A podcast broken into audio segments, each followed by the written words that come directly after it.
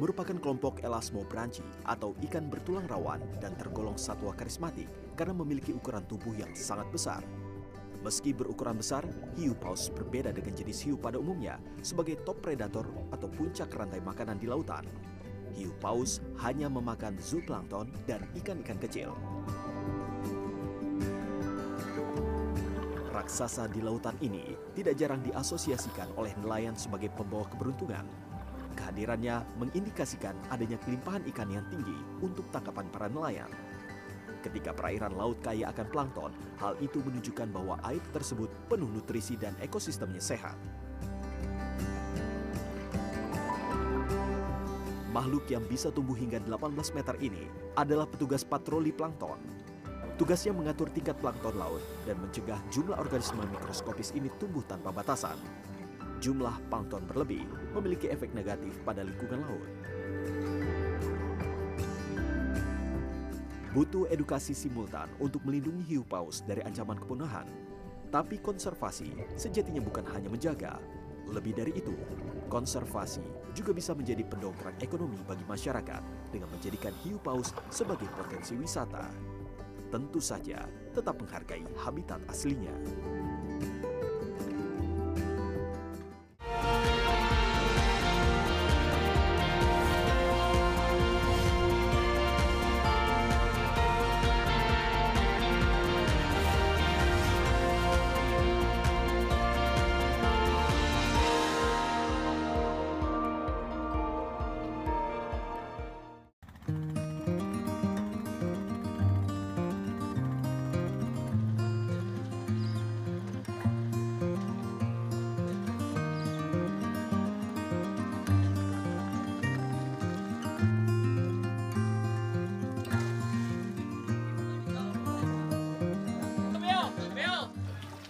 Sekarang lagi mencoba, ini agak sulit ya untuk tagging whale sharknya.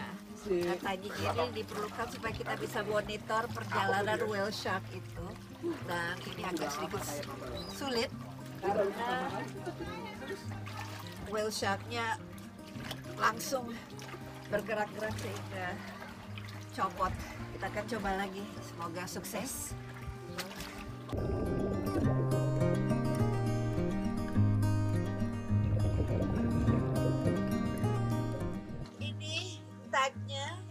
yang akan ditempelkan di sang new paus yang diberi nama ayo siapa. Desi Anwar. Desi Anwar. Oke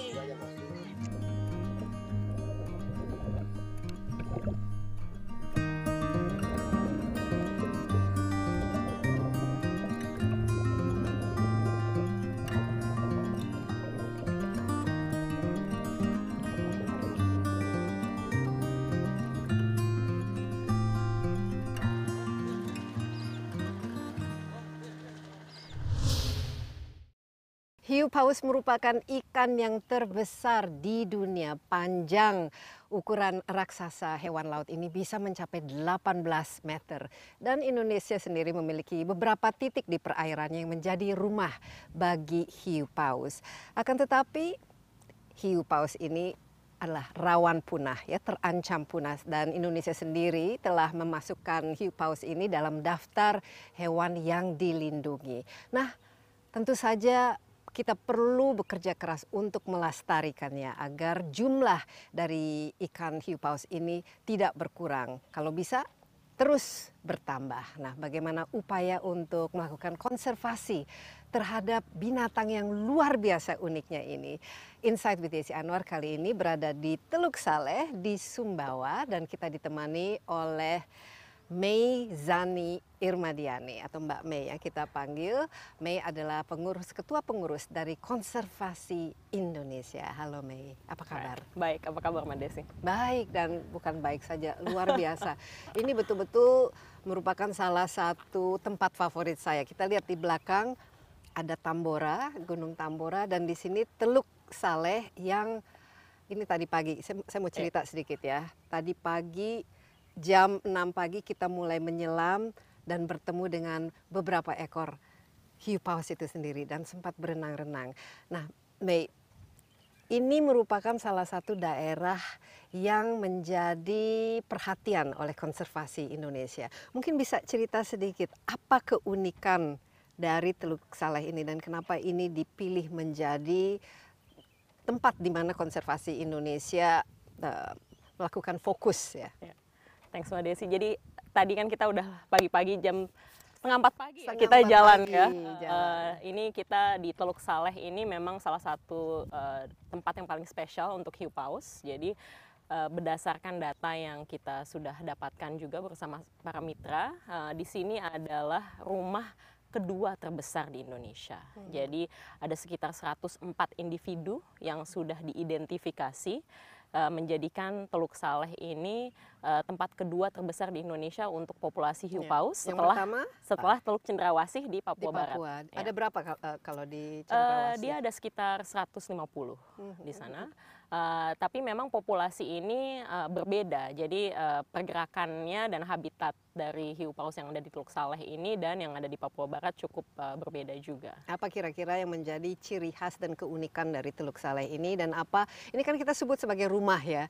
Maksudnya itu dari rumah itu apa yang membedakannya dari hiu paus yang misalnya di uh, Cendrawasih di Teluk Cendrawasih di Papua. Jadi kalau di Teluk Saleh ini di Sumbawa ini mereka ini sekitar rumahnya ini ada di sekitar NTT dan NTB. Jadi mm -hmm. kenapa disebut rumah? Karena dari populasi yang kita lihat uh, dan kita uh, lakukan monitoring selama ini sekitar 80% mereka selalu kembali ke Teluk Saleh. 80%? Iya.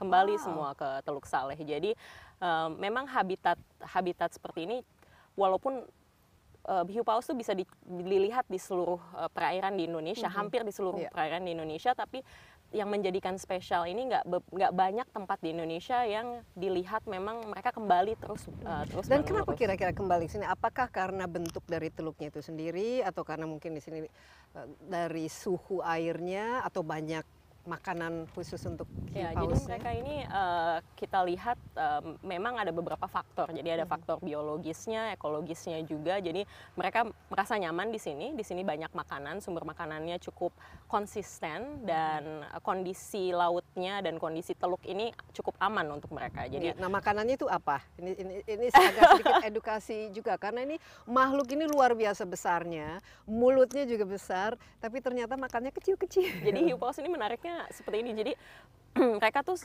namanya hiu paus. Jadi kan orang ini hiu, ini atau, hiu paus, atau paus gitu kan. Tapi sebenarnya mereka ini adalah uh, binatang yang tulang uh, rawan. Jadi seperti hiu-hiu lainnya. Uh, mereka ini bedanya sama hiu uh, pada umumnya, mereka ini bukan top predator karena makanannya ini bukan mereka tidak ada di food chain paling atas karena mereka memakan uh, plankton dan ikan-ikan kecil. Jadi cara makannya itu tadi Mbak Desi yeah. lihat juga sendiri kan? Seperti menyaring ya. Yeah, jadi mereka banyak uh, naik ke atas permukaan, mereka menyaring air laut bisa sampai 2000 liter setiap harinya uh, dan mereka itu menyaring uh, makanan lewat insangnya yang dia masukkan adalah plankton-plankton dan ikan-ikan kecil. Iya, ini ini sangat-sangat menarik karena kalau kita mengingat kata hiu itu pasti yang great white atau yeah. jaws yang giginya itu begitu tajam, orang langsung takut ya melihatnya. Tapi pagi ini kita tuh dapat rezeki luar biasa ya, yeah. Mei. Kita berenang bersama delapan iya. ekor yeah. hiu paus. Nah, besar memang cukup ya. kaget kalau pertama kali tapi dari segi karakternya berbeda jadi ya? memang memang menarik jadi hiu-hiu paus terutama yang kita lihat yang kita monitor di teluk-teluk yang ada di Indonesia ini terutama di Teluk Saleh ini lebih banyak mereka mungkin remaja uh, jantan atau hmm. juvenile males jadi dari uh, individu yang ada di sini sekitar 88% itu um, jantan okay. dan mereka itu biasanya ukurannya bukan yang paling besar uh, tapi mereka hidup di sini dan dia terus kembali ke sini. Jadi yang tadi pagi kita lihat itu ukurannya dari sekitar 4 meter sampai mm -hmm. hampir 8 meter. Iya, masih lumayan besar. Cukup itu. besar. itu satu ruangan itu penuh yeah. dan apalagi kalau kita dekat uh, dengan mulutnya itu takut juga siapa, yeah. siapa tahu bisa kesedot ya. Tapi kenapa juveniles? Ini kan juveniles jantan, masih muda. Apakah ini berkaitan karena ya karena masih muda belum terlalu mau itu melanglang buana atau iya. kenapa? Ya, itu sebenarnya masih banyak pertanyaan yang Hmm. kita belum tahu mengenai uh, hiu paus atau ikan-ikan satwa karismatik yang ada di Indonesia ini. Uh, baik di dunia juga masih banyak data yang perlu diambil gitu. Hmm. Bagaimana sifat mereka yang bisa uh, ber, uh, dia bisa jalan atau bi- bermigrasi sampai lebih dari 15.000 kilometer uh, dan juga tiap harinya mereka cukup banyak pergerakannya. Tapi masih banyak yang harus diteliti. Jadi kenapa mereka di mana mereka reproduksi Uh, atau mereka Kita sudah tahu mereka reproduksi di sini atau ini masih salah satu dari ini masih salah itu? satu yang misteri itu. Jadi uh, memang tadi yang populasi di hiu paus yang paling banyak kan ada di Teluk Saleh di Sumbawa ini sama di Papua Barat. Mereka itu bergeraknya agak beda. Jadi yang Teluk Saleh ini lebih banyak dia ke Samudra Hindia, Mhm. ke Australia, lalu mereka ke Laut Banda. Tapi ada satu yang kita juga pernah tagging gitu ya sampai ke Maladewa. Jadi sampai ke Wow. Maldives mereka. Jauh lumayan Jauh ya bisa lumayan. berkilo, tapi mereka selalu balik Selalu ya, paling kembali. tidak 80 persen. Ya. Ini tadi eh, disebut 104 eh, individu yang ada di sini. Jadi kedua terbesar setelah yang di Papua. Ini tahu angka ini bagaimana? Jadi Apakah ini eh, salah satu yang dilakukan oleh Konservasi Indonesia, mendata ya. Eksistensi mereka? Hiu paus ini menarik dia eh, seperti punya sidik jari. Jadi kalau kita lihat di finnya itu eh, teman-teman eh, saintis kita dan monitoring mitra kita di lapangan mereka bisa memfoto dan mereka bisa satu-satu mengetahui nama individu individunya itu. Selain itu kita juga ada sekitar 23 hiu paus yang sudah kita tagging. Actually Ya. hari ini jadi 24. Yes, karena ini salah satu yang kita lakukan pagi ini tagging masih juvenile ya dan diberikan nama yang khusus untuk ini supaya kita bisa tracking. Tapi bagaimana? Kenapa dilakukan tracking? Tujuannya untuk apa dan apa data yang kita bisa terima dengan Jadi, adanya tracking ini? Ya, setiap kita bisa eh, tadi pertama nomor satu kita eh, melakukan identifikasi individunya itu sangat penting. Jadi kita tahu berapa ada individu di daerah Dan sini. ini 104 individu, ini Individu. memang sudah tercatat. ya sudah tercatat dan ada di database. Jadi se- setelah itu eh, selama kita lakukan monitoring kita bisa tahu berapa yang kembali. Jadi mereka berapa yang kembali ke sini dan apakah mereka memang tahun demi tahun menggunakan daerah ini untuk habitat utamanya. Yang kedua ini untuk tagging itu penting sekali untuk eh, kita bisa mengetahui pergerakannya ke mana sih gitu kan tadi kan kita lihat pergerakannya tuh sebenarnya bukan hanya di perairan Indonesia saja tapi per- perairan lintas negara. Iya. Nah di situ eh, menjadi masukan yang sangat bagus untuk eh, karena kita juga di konservasi Indonesia ini kita bekerja sama juga dengan Kementerian Kelautan dan Perikanan. Jadi data-data untuk masuk untuk ke kebijakan eh, tata ruang laut dan sebagainya ini sangat penting karena jalur-jalur yang digunakan oleh hiu paus ini ada yang digunakan juga pastinya Untuk untuk kapal, kapal, untuk shipping, nelayan iya. dan sebagainya. Jadi kita percaya bahwa konservasi itu eh, harus dilakukan bersama semua mitra ya, semua pihak. Eh, lalu juga pendekatan konservasi kita itu kita percaya bahwa selain perlindungan dan pelestarian baik ekosistem maupun spesies-spesies kunci seperti hiu paus ini yang paling penting juga adalah pemanfaatan yang berkelanjutan.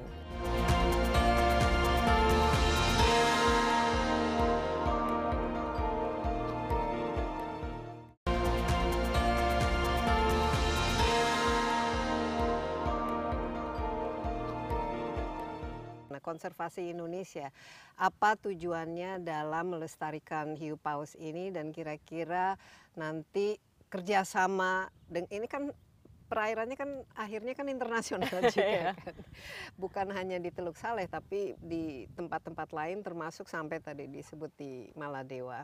Bagaimana uh, upaya untuk melakukan konservasi ini? Ya, jadi kita eh, eh, Yayasan Konservasi Indonesia ini sebenarnya yayasan yang berdiri di Indonesia dan kita memang bekerja untuk eh, melindungi dan melakukan pelestarian atas ekosistem-ekosistem penting di Indonesia dan kita juga adalah mitra eh, utama Conservation International yang ada di Ya. Indonesia ini. Jadi kita punya mitra dan network yang cukup banyak ya, bukan hanya di Indonesia tapi di eh, tingkat eh, global juga, tingkat regional dan global. Jadi data-data ini tentunya karena kita adalah organisasi yang berbasis eh, science, Iya. ilmu pengetahuan, ini semua menjadi data publik publik. Uh, kita bekerja sama juga dengan kementerian, Pemda, dan juga uh, ada beberapa publikasi-publikasi uh, ilmiah yang tentunya ini membantu juga untuk sharing ya. Ya, dan kalau saya lihat ini bisa menjadikan salah satu destinasi wisata karena ya banyak sekali orang yang pasti ingin melihat dan berenang dan menyaksikan uh, hewan raksasa ini. May bagaimana hmm. kerjasama tentu saja dalam kita melakukan konservasi kan juga harus bekerja sama dengan komunitas ya. daerah setempat, tapi juga ada inilah uh, peningkatan dari segi kesejahteraan maupun ekonomi. Ya. Tentu saja dengan tetap melestarikan hewan-hewan tersebut. Jadi kita percaya bahwa konservasi itu uh, harus dilakukan bersama semua mitra ya, semua pihak. Uh, lalu juga pendekatan konservasi kita itu kita percaya bahwa selain perlindungan dan pelestarian baik ekosistem maupun spesies-spesies kunci seperti hiu paus ini yang paling penting juga adalah pemanfaatan yang berkelanjutan. Yeah di situ um, seperti kayak di uh, Sumbawa ini di Labu, desa Labuhan Jambu terutama di mana kita menginap malam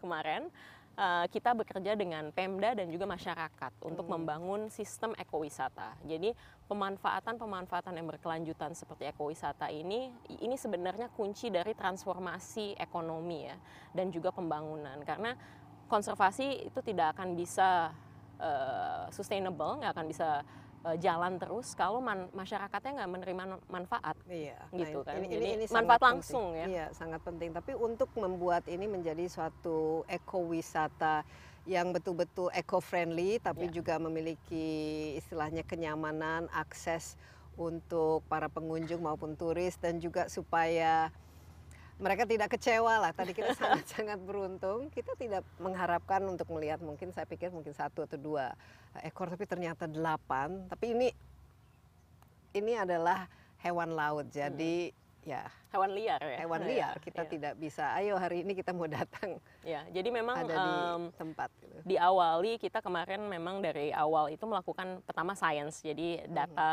uh, identifikasi habitat dan pergerakan mereka lalu juga kita kerja dengan masyarakat dan juga Pemda untuk melatih uh, untuk pertama mengetahui bahwa ini hewan yang dilindungi loh yeah. ya kan? Tadi kan mbak Desi bilang juga ini sudah jadi spesies yang dilindungi oleh Indonesia.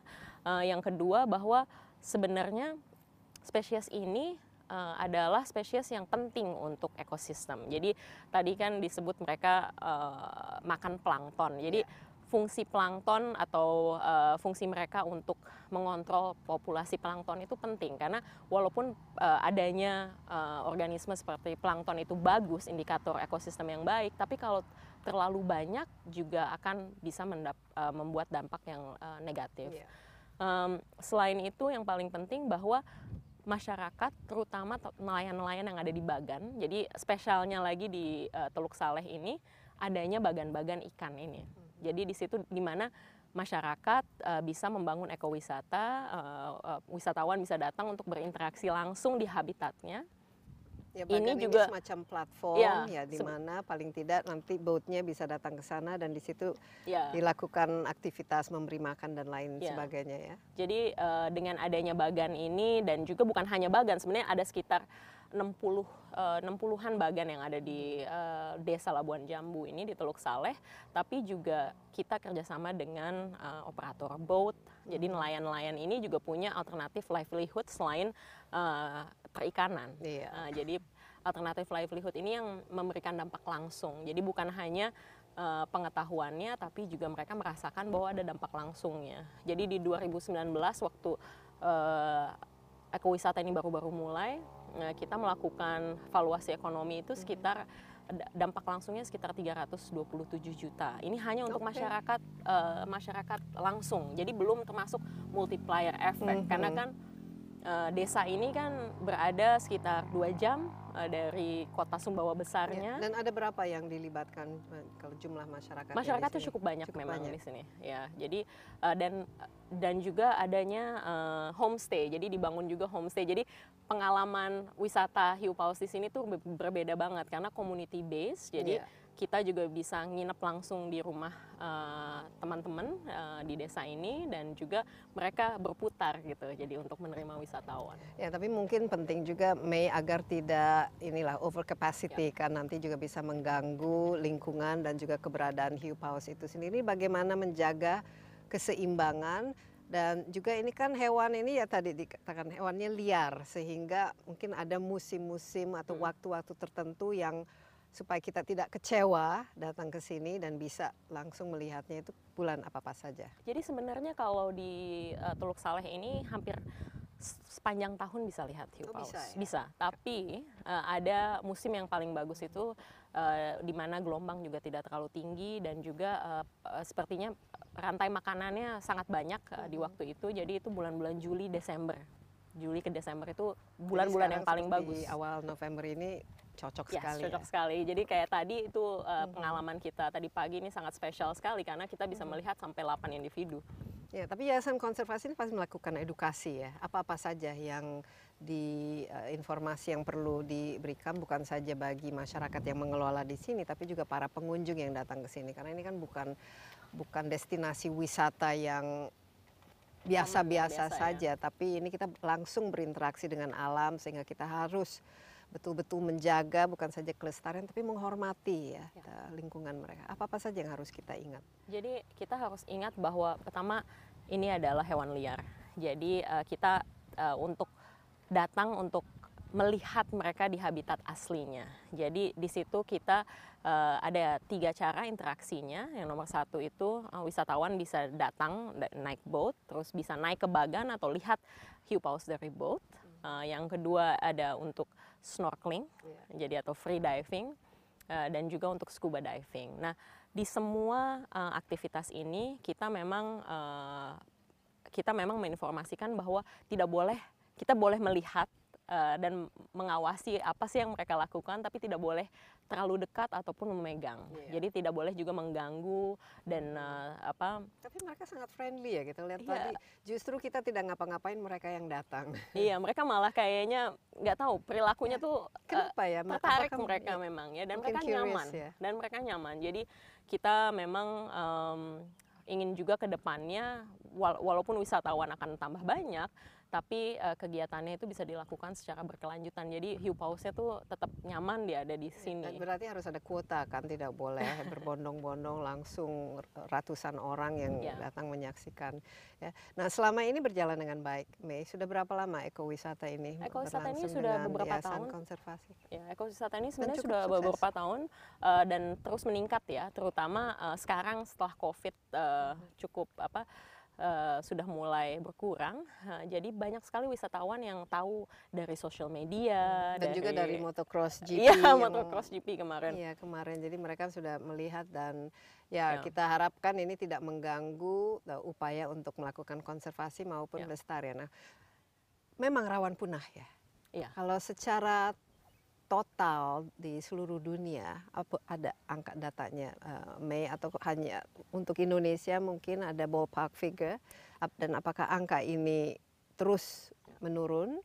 Kita memang perlu... lihat tren uh, angka hiu paus di seluruh dunia ini menurun. Jadi ada beberapa faktor yang um, memang ini ini sebenarnya ini adalah ikan paling besar ya tadi kan kita lihat sendiri. Ini ikan yang paling besar di dunia yang pernah hidup dan yang sekarang hidup. Jadi yang usianya juga jutaan tahun iya mereka sudah 70 tahun ada di eh, 70 juta. tahun ada di uh, bumi ini. Dan uh, reproduksi mereka tuh cukup lama hmm. karena mereka ini bisa uh, data yang kita lihat di secara global itu mereka bisa hidup sampai umur 80 tahun. Wow. Jadi proses dan fase pengembangan uh, hiu pausnya itu juga cukup lama. Jadi jika misalnya ada faktor-faktor lain seperti lingkungan atau mereka ketabrak atau uh, yang bisa mengurangi uh, baik habitat uh, di mana dia hidup atau makanan uh, yang dia bisa dapatkan ini akan menurunkan lebih lagi uh, populasinya. Karena tadi faktor reproduksi itu nomor satu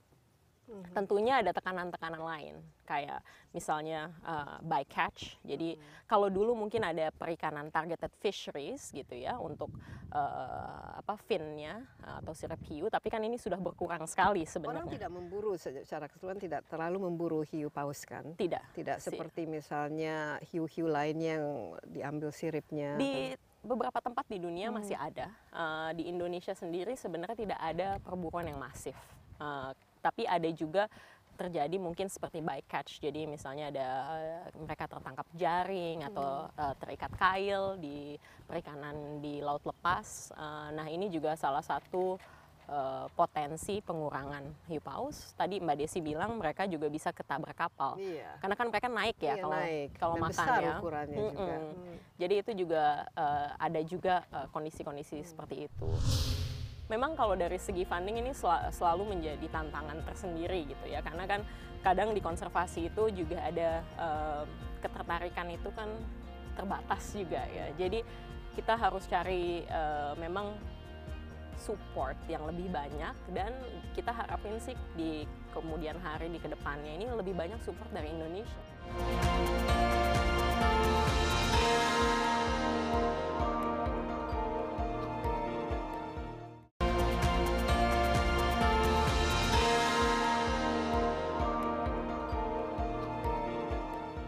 Kan pernah kita tuh cerita-cerita Ya. hiu paus itu terdampar itu kenapa ya apakah karena ini perubahan iklim atau mereka mungkin sense of directionnya Mereka karena kita sering sekali sekarang mendengar ini Iya, karena mungkin em, ada beberapa kemungkinan. Jadi ada juga beberapa hiu paus yang mereka ditemukan terdampar, mungkin karena dia di perairan surut, airnya surut terus dia eh, terjebak Iya. gitu ya. Karena kan kita bisa lihat juga pergerakannya kalau kita lihat dari data itu mereka sebutannya ini adalah paus rumahan. Jadi mereka biasanya di daerah pesisir eh, bergeraknya lalu baru ke laut dalam gitu. Jadi mereka memang banyak bergerak di daerah pesisir. Eh, selain itu juga ada beberapa eh, penemuan gitu ya eh, hiu paus yang terdampar itu mati karena eh, banyak eh, plastik di dalam tubuhnya. Jadi kan polusi laut ini kan juga bisa dibayangkan kan dia makan kan eh, filterin air gitu ya. Jadi ada sebagian pasti yang masuk gitu. Jadi polusi laut ini juga pasti jadi eh, suatu isu. Oke, tapi tujuan uh, utamanya khusus yang Yayasan Konservasi Indonesia dengan uh, hiu paus ini apa yang diinginkan? Jumlahnya terus meningkat atau habitatnya juga tetap sehat kira-kira? Apa? kita tentunya yang nomor satu perlindungan ya. Jadi perlindungan itu eh, penting gitu ya. Jadi apa yang sudah ada di sini harus dilindungi gitu karena mereka adalah tadi pentingnya hiu paus itu. Yang kedua adalah pelestarian. Jadi ingin juga em, meningkat eh, tren populasinya. Jadi tidak menurun kan sekarang masih eh, threatened species gitu ya. Eh, ini harus harus naik gitu. Dan yang ketiga itu bahwa em, yang paling penting ini sebenarnya fungsi spesies kunci atau satwa karismatik seperti ini adalah juga bisa raising awareness bahwa adanya mereka ini adalah indikator ekosistem yang Yang sehat. sehat, ya Itu tentu sih. saja. Apalagi dengan adanya plankton dan lain Iya. sebagainya. Jadi kalau ekosistem yang nggak sehat mereka juga nggak akan ada di Nah, sini. uh, Yayasan Konservasi Indonesia juga hadir di uh, perairan lain yang ada hiu pausnya seperti tadi di Teluk Ya. Cendrawasih dan di, di mana-mana saja di Indonesia tempat-tempat rumah uh, hiu ini. Kalau uh, di yang fokus di hiu paus, kita memang di Teluk Saleh dan di bentang uh, laut uh, kepala burung atau bird's head seascape di uh, Papua Barat. Uh, kita juga ada program sebenarnya Yayasan Konservasi Indonesia ini kita ada di dari Sumatera Utara sampai ke Papua Barat gitu ya. Program lain yang untuk uh, hiu dan uh, cetacean atau mamalia laut ini ada di, juga di daerah NTB dan NTT. Ini khusus memang untuk cetacean. Lalu ada juga uh, hammerhead program hiu martil uh, di itu lebih banyak di laut uh, Banda ya. Ya, kita memang Indonesia itu sangat-sangat kaya di ini ya biodiversity Ya. kita ya, keragaman hayatinya. Dan ini kita senang sekali kalau ada upaya-upaya untuk melakukan konservasi karena ini bukan saja memang penting, tapi ini juga merupakan satu edukasi bagi kita semua ya betapa penting kita harus melestarikannya. Nah, ini selama ini tantangan terbesar dalam melakukan konservasi di Indonesia walaupun misalnya sudah didaftar bahwa ini dilestarikan atau dilindungi tapi ini masih tentu saja terjadi pelanggaran-pelanggaran atau ya aktivitas yang seperti misalnya melakukan pemboman ketika uh, menangkap ikan. Nah, ini apa tantangan terbesar untuk konservasi di Indonesia? Um, tantangannya cukup kompleks memang dan tergantung uh, kita bekerja di mana. Tapi yang tantangan paling utama memang um, kadang nggak semua bisa melihat atau kita juga belum punya banyak eh, contoh-contoh bagaimana konservasi itu sebenarnya bermanfaat langsung. Hmm untuk masyarakat, uh, untuk tingkat uh, Pemda, provinsi dan uh, tingkat nasional juga. Jadi kita semua harus merasakan manfaat dari iya, konservasi ya, itu. manfaatnya itu ekonominya iya, kan. Ya, ekonominya itu penting. Hmm. Nah, yang kedua yang pasti uh, tanpa kita bekerja dengan mitra akan sulit. Jadi di sini adalah salah satu contoh yang baik karena kita kerjasama dengan mitra uh, masyarakat sangat hmm. uh, sangat dekat dan juga dari Pemda banyak sekali komitmen mereka yang sudah mengangkat isu ini menjadi isu kebijakan. Yeah. Jadi di di NTB ini pemerintahnya dari provinsi sudah punya keputusan gubernur untuk rencana strategi aksi untuk pelestarian uh, hiu paus gitu dan juga ada kebijakan-kebijakan lain di tingkat desa maupun hmm. di tingkat uh, kabupaten juga. Jadi selama ini sudah bagus ya kerjasamanya, ada dukungan. Ada sangat. Kalau dari segi funding bagaimana? kalau dari segi biasanya kalau ya. yayasan kan kuncinya kan fundingnya supaya ya. apa yang dilakukannya kan bisa berkelanjutan. Iya. Memang kalau dari segi funding ini sel selalu menjadi tantangan tersendiri gitu ya karena kan kadang di konservasi itu juga ada um, ketertarikan itu kan terbatas juga ya. Iya. Jadi kita harus cari uh, memang support yang lebih banyak dan kita harapin sih di kemudian hari di ke depannya ini lebih banyak support dari Indonesia. Iya, ini kan yayasan iya. Indonesia kan nasional kan. Iya. Jadi kalau kita ada support dari Indonesia dan juga mungkin bisa mengembangkan suatu uh, ekonomi yang lebih transformatif gitu ya secara iya. secara nasional uh, ini sangat bagus sekali karena bagaimanapun juga tugas atau fungsi konservasi itu sesuatu yang jangka panjang jadi tidak uh, sifatnya tidak bisa cuman setahun dua tahun saja. Ya dan juga pasti ada aspek bagaimana meningkatkan kesejahteraan maupun perekonomian masyarakat yang tinggal di area tersebut ya. Ini ini menarik mengenai alternative livelihood itu sendiri.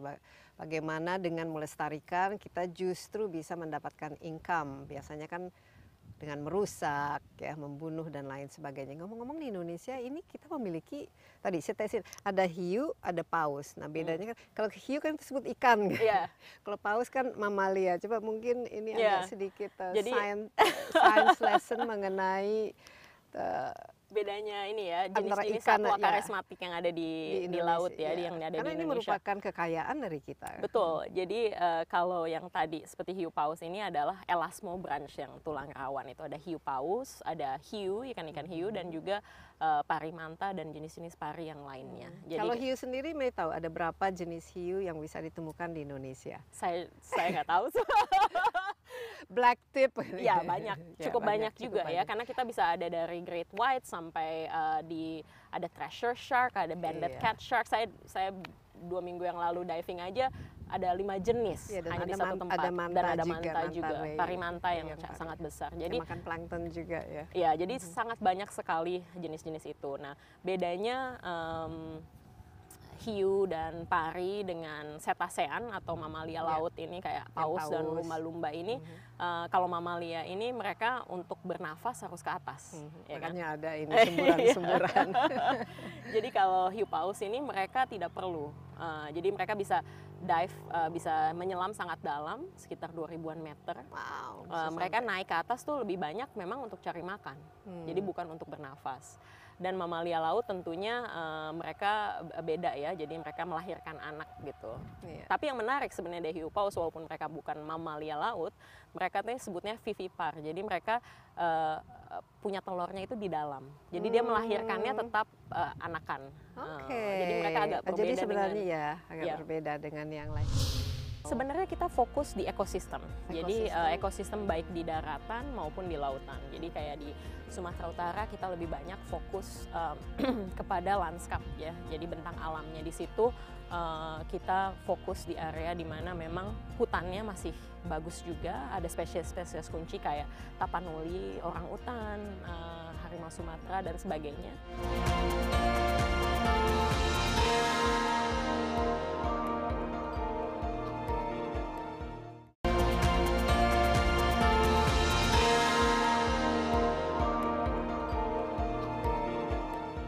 Tapi masalah migrasi ini kan kalau kita lihat di film-film ini kan paus kan juga bermigrasi ya, hiu eh, paus juga bermigrasi. Ini apa yang menjadi motivasi untuk migrasi itu? Apakah eh, ya untuk mencari makanan atau sesuai dengan arus Ya, jadi mungkin laut ya. atau di mana mereka em, reproduksi mungkin ada tempat-tempat favoritnya gitu. Ya, jadi eh, memang di eh, apa binatang-binatang laut ini memang mereka bermigrasi cukup banyak ya dari paus Dan maupun hiu paus dan dan jauh sekali. sampai. Eh, tadi yang di daerah Teluk Saleh ini di eh, Sumbawa ini kan sampai tadi ke Sampai Maldives Maladewa, itu ya. Kalau yang di Papua Barat ini sampai ke Marshall Islands di Pacific. Jadi mereka Wow. ke Palau ke tempat-tempat Mhm. lain juga. Nah memang ada musim-musimnya. Jadi itu juga mungkin eh, ada impactnya terhadap eh, eh, apa makanan mereka, tapi juga eh, tadi eh, kebutuhan untuk reproduksi dan juga kebutuhan pergerakan mereka secara alamiah. Nah, Dan memang ke depannya itu eh, salah satu yang menjadi tantangan, walaupun kita punya data-data sementara, tapi climate change atau perubahan iklim ini akan merubah juga kebutuh, eh, kebutuhan pergerakan mereka karena makanan dan Ya makanan sumber dan da- juga ya. suhu ya, suhu dari air lautnya itu sendiri Iya, tentu akan- saja mengubah dan katanya juga mungkin a- radar mereka juga terganggu ya karena eh, ada cuaca ekstrim dan Ya, lain sebagainya. Ya, mungkin itu untuk kebutuhan terutama yang tadi bio bioekologisnya itu untuk makanan dan sebagainya. Karena kalau hiu paus sendiri karena mereka bukan uh, cetacean atau paus, mereka tidak menggunakan apa tadi uh, echolocation Iya, gitu ya. Tapi iya. Tapi tadi fungsi uh, sumber daya yang ada yang tersedia itu akan menentukan mereka akan bergerak seperti apa ke depannya. Oke. Kalau misalnya hiu paus yang dari Papua pernah ditemukan di perairan sini, Em, maksudnya jadi mereka saling berkunjung itu itu Ya. mereka terjadi. itu biasanya lebih banyak mereka itu bertemu di laut Banda. Jadi di Hmm. laut Banda, di laut Seram itu mereka di mana mereka kita lihat beragregasi. Mungkin di situ Hmm, tempat adalah tempat reproduksi mereka. Eh, ada juga hiu dari Teluk Saleh ini yang pernah kita temukan di bentang au- laut eh, kepala burung, lebih Hmm. banyak di daerah Fak-Fak Kaimana di sana. Jadi Iya. memang mereka Mhm. ada, tapi nggak sebanyak itu. Mereka sepertinya ada punya Oke. daerah sendiri-sendiri. Tadi kan kita melakukan tagging ya. Eh, Kira-kira bera- untuk berapa lama dan data apa saja yang nanti akan didapatkan dari tagging ini? Jadi tagging ini sebenarnya ini tagging yang jenis baru, jadi cukup canggih juga. Mereka bisa kita bisa mendapatkan data cukup cukup Pakai dalam. GPS kan? Pakai GPS ya. Jadi eh, nanti dia kliknya kalau lebih bagus kalau dia naik ke permukaan eh, dan juga eh, baterainya itu tahan lebih lama tapi nggak nggak selama lamanya dan Mhm. masalah utamanya sebenarnya kayak tadi gitu ya kita juga melihat yang sudah di tagging baru beberapa bulan lalu kadang kotor Hmm. jadi mereka nggak bisa mentransmit data. Jadi teman-teman di sini, uh, scientist dan juga tim monitoring, mereka harus uh, uh, apa, membersihkan. Tapi berarti kan harus menunggu mereka pulang dulu. Iya dan tapi kan mereka most of them Ya, come back. pasti- jadi uh, pasti jadi semuanya pulang. balik ya. Nah dari dari situ itu mungkin ada ya ukurannya bisa lebih besar dan lain. Mei, apalagi yang dilakukan oleh Yayasan Konservasi Indonesia Eh, selain hiu paus, Kita juga cetacean, hewan-hewan lain ini rata-rata fokus ke yang lautan dulu atau Sebenarnya kita fokus di ekosistem. Jadi Ekosistem. uh, ekosistem baik di daratan maupun di lautan. Jadi kayak di Sumatera Utara kita lebih banyak fokus um, kepada lanskap ya. Jadi bentang alamnya di situ uh, kita fokus di area di mana memang hutannya masih bagus juga. Ada spesies-spesies kunci kayak tapanuli, orang utan, uh, harimau Sumatera dan sebagainya. Tapi di situ banyak juga kebutuhan uh, masyarakat untuk uh, melakukan agroforestry atau uh, sifatnya perkebunan lainnya. Jadi kita ini meng pasti mengganggu habitat kan? Ya pasti ada perubahan tutupan lahan itu pasti meng, apa ada dampaknya lah untuk habitat. Jadi kita banyak memang kerja sama-sama dengan di sini. Jadi kita sama mitra di masyarakat, uh, dengan pemerintah juga baik di pusat maupun di daerah. Nah semua yang kita lakukan ini memang berdasarkan tadi. Yang pertama yang kita identifikasi adalah ekosistem-ekosistem penting di mana sih di Indonesia yang yang masih butuh disupport, yang perlu banget disupport untuk konservasi. Di mana-mana saja itu yang top five lah. Jadi memang kalau di Indonesia sebenarnya cukup banyak ya, tapi yang nomor satu uh, fungsi utama kita memang uh, fokusnya itu di pelestarian alam untuk menjaga kestabilan iklim. Jadi di situ di mana area-area yang uh, memang sifatnya hutannya masih bagus atau mangrove-nya masih bagus hmm. karena kita tahu juga kan mangrove ataupun padang lamun mereka menyimpan uh, fungsi uh, karbon yeah. yang sangat penting. Bisa menyerap karbon. Bisa menyerap karbon. Dan juga menciptakan ini ya biodiversity yeah. livelihood yeah. di situ karena banyak yang uh, bisa menjadi sumber yeah. Ya. uh, pencarian ekonomi. ya, jadi di situ Nomor satu yang nomor dua uh, di fungsi di kelautan dan perikanan memang hmm. sangat penting karena 70% Indonesia adalah laut yeah. gitu ya. Dan fungsi laut ini sebenarnya bukan hanya habitatnya tapi menjaga kestabilan iklim juga. Yang ketiga memang fokus kita di transformasi uh, ekosistem untuk ekonomi uh, ke hmm. depannya, pembangunan berkelanjutan. Jadi tempat-tempat yang paling kita banyak uh, fokus memang ada di tadi di Sumatera Utara. Kita juga akan mengembangkan program uh, dengan pemerintah Indonesia dan mitra lain. Hmm di pesisir barat uh, dari Sumatera uh, di wilayah perikanan. Jadi kita akan fokus di perlindungan kawasan dan juga uh, perikanan berkelanjutan. Uh, di, sorry, di situ apa yang menjadi concern di pesisir barat itu? Apakah karena ada overfishing di situ atau kebanyakan tambak atau uh, kurang ininya mangrove-nya?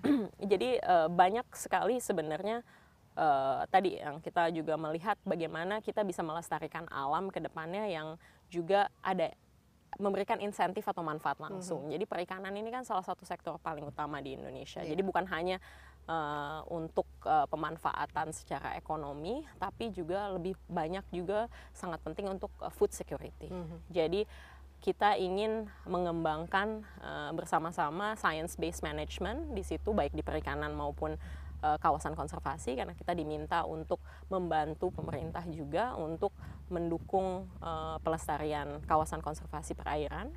Uh, nah di situ kita mencari uh, balance, how to balance production dan dan protection. Jadi itu yang paling utama karena sifatnya itu um, kalau misalnya daerahnya atau ekosistemnya nanti rusak atau overfish, mm -hmm. uh, ini bukan hanya isu devisa negara, ini adalah isu food yeah. security gitu. Jadi ya, ketahanan pangan. Ketahanan ya. pangan. Jadi ke depannya itu yang menjadi salah satu fokus. Uh, selain itu kita ada sebenarnya kita juga kantor utama kita di Jakarta, tapi kita ada uh, program di Jawa Barat um, untuk uh, perlindungan owa Jawa. Mm -hmm. um, dan juga kita uh, ada di bergerak di Lesser Sunda Seascape. Jadi ini Bali, NTB, NTT. Mm -hmm. uh, di sini kita banyak di oceans, tapi juga kita uh, masuk di bidang pesisir juga. Hmm. Nah kalau kerjasama dengan internasional kan tadi disebut Conservation International, ini bagaimana? Uh, karena kan setahu saya kan lu Yayasan Konservasi Indonesia uh, bagian adalah mitra. Adalah ya, mitra. mitra. Nah ini apa-apa saja dan bagaimana cara kerjasamanya? Jadi memang uh, kita uh, juga karena kita mitra utama uh, eh, CI di Indonesia Conservation International, kita melanjutkan juga kegiatan mereka yang sebelumnya sudah ada di Indonesia sekitar 30 tahun. Hmm. Jadi uh, kita sama gitu ya bahwa ini adalah suatu organisasi yang science based jadi pertukaran network uh, untuk science in, uh, information discussions dan juga tantangan-tantangan uh, atau juga uh, skill set skill set lain yang memang ini saling sharing lah yeah. karena yang mungkin yang dilakukan di tingkat global ada yang bisa dilakukan di Indonesia, tapi banyak yang tidak bisa dilakukan atau banyak juga uh, sharing learning yang ada di Indonesia yang bisa kita gaungkan di tingkat internasional. Iya, dan saya lihat juga tim-timnya namanya sendiri kan masih muda. Mungkin bisa cerita sedikit mengenai yayasan itu sendiri Mei dan ada di mana saja dan Ya. berapa orang eh, anggota timnya. Jadi kita, Latar belakangnya itu seperti apa sih Iya. tadi kita lihat waktu tagging itu mereka sangat ini ya very skilled gitu dan Iya. paham sekali sepertinya mengenai apa yang mereka lakukan. jadi kita ada sekitar 11 kantor di seluruh Indonesia. Eh, memang em, banyak juga tim-timnya yang masih eh, muda gitu, Iya. tapi juga banyak yang eh, sudah berpengalaman gitu ya. Jadi kita eh, cukup diverse juga. Banyak juga kan kita science based organization, jadi kita cukup banyak ada eh, tim Scientist juga ya. scientist juga gitu ya. Eh, ada juga teman-teman yang dulu banyak eh, juga sekarang bergerak di bidang policy, jadi kebijakan publik itu sangat penting. Lalu juga ada di sustainable finance. Eh, saya juga eh, sendiri sebenarnya bukan scientist, jadi tapi eh, tim kita cukup banyak lah. Kita ada sekitar 120 orang dan juga eh, fung- fungsi dari tim ini sangat eh, dinamis karena kita ada tim yang bekerja di beberapa area, tapi kita eh, yang based mostly di Jakarta ataupun di Bali, eh, tapi kita juga punya banyak tim yang sebenarnya based di lapangan.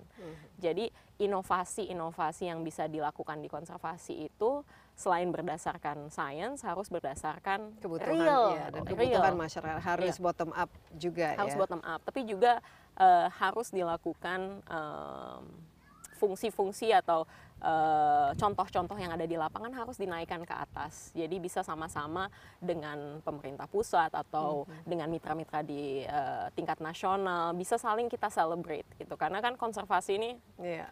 panjang tapi juga ada hal-hal yang perlu kita selalu uh, bisa celebrate. Kita ingin semuanya bangga bahwa kita adalah salah satu negara yang sumber dayanya ini sangat sangat diverse ya Uh, dan kita butuh untuk sama-sama membangun ini. Jadi mudah-mudahan ke depannya tambah banyak uh, teman-teman uh, apalagi generasi muda yang mau uh, bergerak di bidang konservasi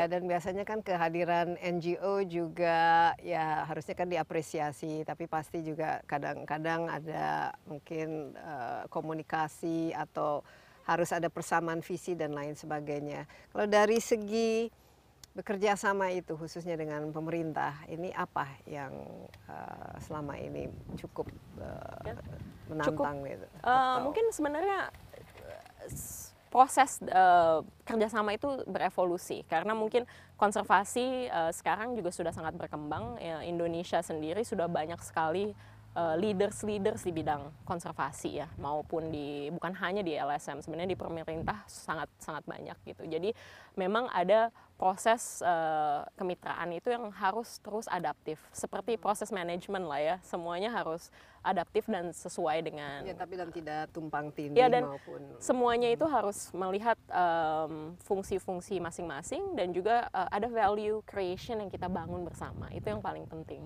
Jadi saling Mei sendiri ketertarikan untuk menjadi bagian dari Yayasan Konservasi Indonesia ini apa kalau bisa? karena Selain karena cinta dengan hewan. hiu paus.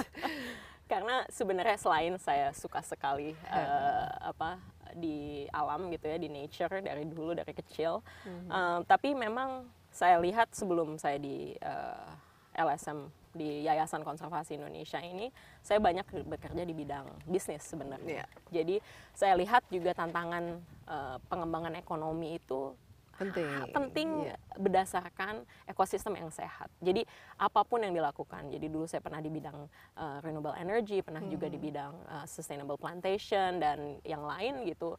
Penting sekali uh, didasarkan dengan eko- ekosistem yang sehat dan ekonomi yang berkelanjutan yang memberikan manfaat. Jadi um, ya Ya, tentunya jadi ya ada tentunya- ekspertis di situ dari segi finance-nya jalan, tapi kepedulian terhadap Iya. lingkungannya juga ada, tapi juga bahwa masyarakat juga perlu dibantu untuk meningkatkan kesejahteraan mereka juga ya penting ya. ya dan juga senang sekali ya. Jadi berapa kali setahun saya Nah bisa ini dia. Jadi sudah ke mana-mana saja selama di KI? Eh, sudah. sudah ke mana-mana. Saya sudah dari tadi so- Oke. dari Sumatera sampai ke yang yang paling Papua. menarik karena ini juga mungkin bisa dikembangkan menjadi ekowisata. Sekarang kan kalau wisata harus ada nilai tambahnya. Iya. Orang kan mencari itu experiential. Ya, bukan hanya melihat dan belanja dan lain sebagainya, tapi pengalaman itu dan kalau bisa pengalamannya unik. Yang jelas kalau kita ke sini akan mendapatkan pengalaman yang luar biasa. For me it's just amazing, you know, nggak setiap hari kita bisa ketemu dengan whale shark.